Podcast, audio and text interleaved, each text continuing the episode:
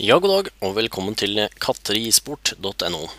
I dag skal vi prate om sterilisering av katt. Først så kan vi ta definisjonen på hva sterilisering er.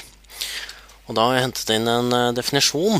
eh, og da Sterilisering det er å frata evnen til å kunne reprodusere seg selv og gjøre ufruktbar.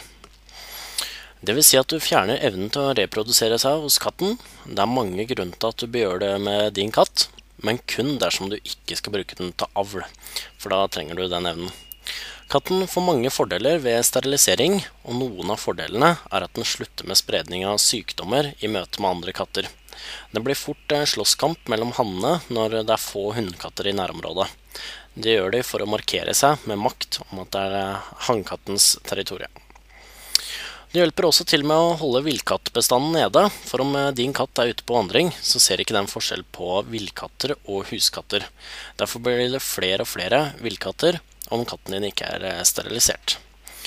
Katten din eh, blir mye roligere etter sterilisering. Den har ikke det samme maktbehovet som før, og de blir også mer hjemmekjære.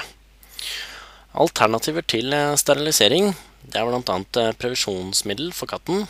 Eh, Der har vi da en mulighet med p-piller til hundekatten, men det er mange ulemper med det også. Katter som mennesker får da større fare for å få kreft, og da spesielt brystkreft. Eller at du glemmer å gi katten p-piller til riktig tid. Eh, Katten kan også være lumsk og senere kaste opp p-pillen eh, om den skulle spise gress f.eks. For, for da kaster den som regel opp eh, p-pillen også. Det gjør at det kommer eh, kattegull som ikke er ventet, og det kan gi deg noen vanskelige valg. Valgene kan da være å avlive kattene, eller gi dem bort til kanskje en eier som ikke vil ta vare på katten de får seinere. Så det beste alternativet er sterilisering av katten.